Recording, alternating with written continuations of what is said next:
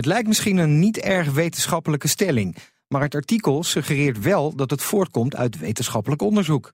Factchecker deze keer is Linda Steg, hoogleraar omgevingspsychologie aan de Rijksuniversiteit Groningen. En zij snapt de gedachte achter de stelling. Als je na gaat denken over wat jij bijdraagt, dan denk je, ja, valt allemaal wel mee. Als je nagaat wat we samen bijdragen, denk je, oh, dit probleem is best wel groot.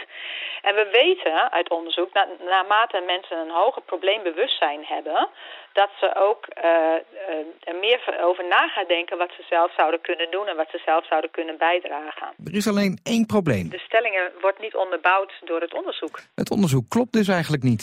Nou, ik zeg niet dat het onderzoek niet deugt, maar uh, dat de conclusie dat die niet aansluit bij de onderzoek wat is gedaan. Want onderzocht is in hoeverre mensen zichzelf schuldig achten aan de klimaatproblemen, niet hoe ze denken over het oplossen ervan. Hun onderzoek richtte zich niet op mensen nalaten denken over wat ze zelf kunnen doen of wat we samen kunnen doen, maar ze richten zich op de vraag wat ze zelf nu bijdragen aan de problemen of uh, in welke mate we samen bijdragen aan de problemen. Nog een keer terug naar de stelling. Wat kunnen we doen aan de klimaatverandering is een effectievere vraag dan wat kan jij doen aan klimaatverandering? Maar dat is dus niet bewezen en dus is de stelling deels onwaar.